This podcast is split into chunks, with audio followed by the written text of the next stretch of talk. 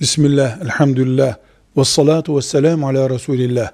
Namaz ibadetinin en önemli bölümlerinden biri secdedir. Secde aynı zamanda insan olarak Allah için yaptığımız en mübarek ibadetlerdendir. Namazın bir bölümüdür, müstakil kendi başına da bir ibadettir. Ancak secde çok ciddi bir şekilde yapıldığında ve huşu ile yapıldığında o ibadet kalitesini verir.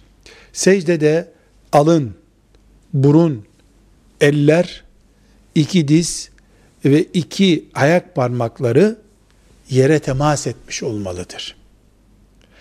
Dirsekler de kesinlikle yere yapıştırılmamalı. Dirsekler havada kalmalı, eller secde yerinde olmalı. İki el bu vaziyette ve şekilde görüldüğü gibi alnının yani yüz çehresinin etrafında olacak şekilde üç defa Sübhane Rabbiyel E'la denerek yapılır.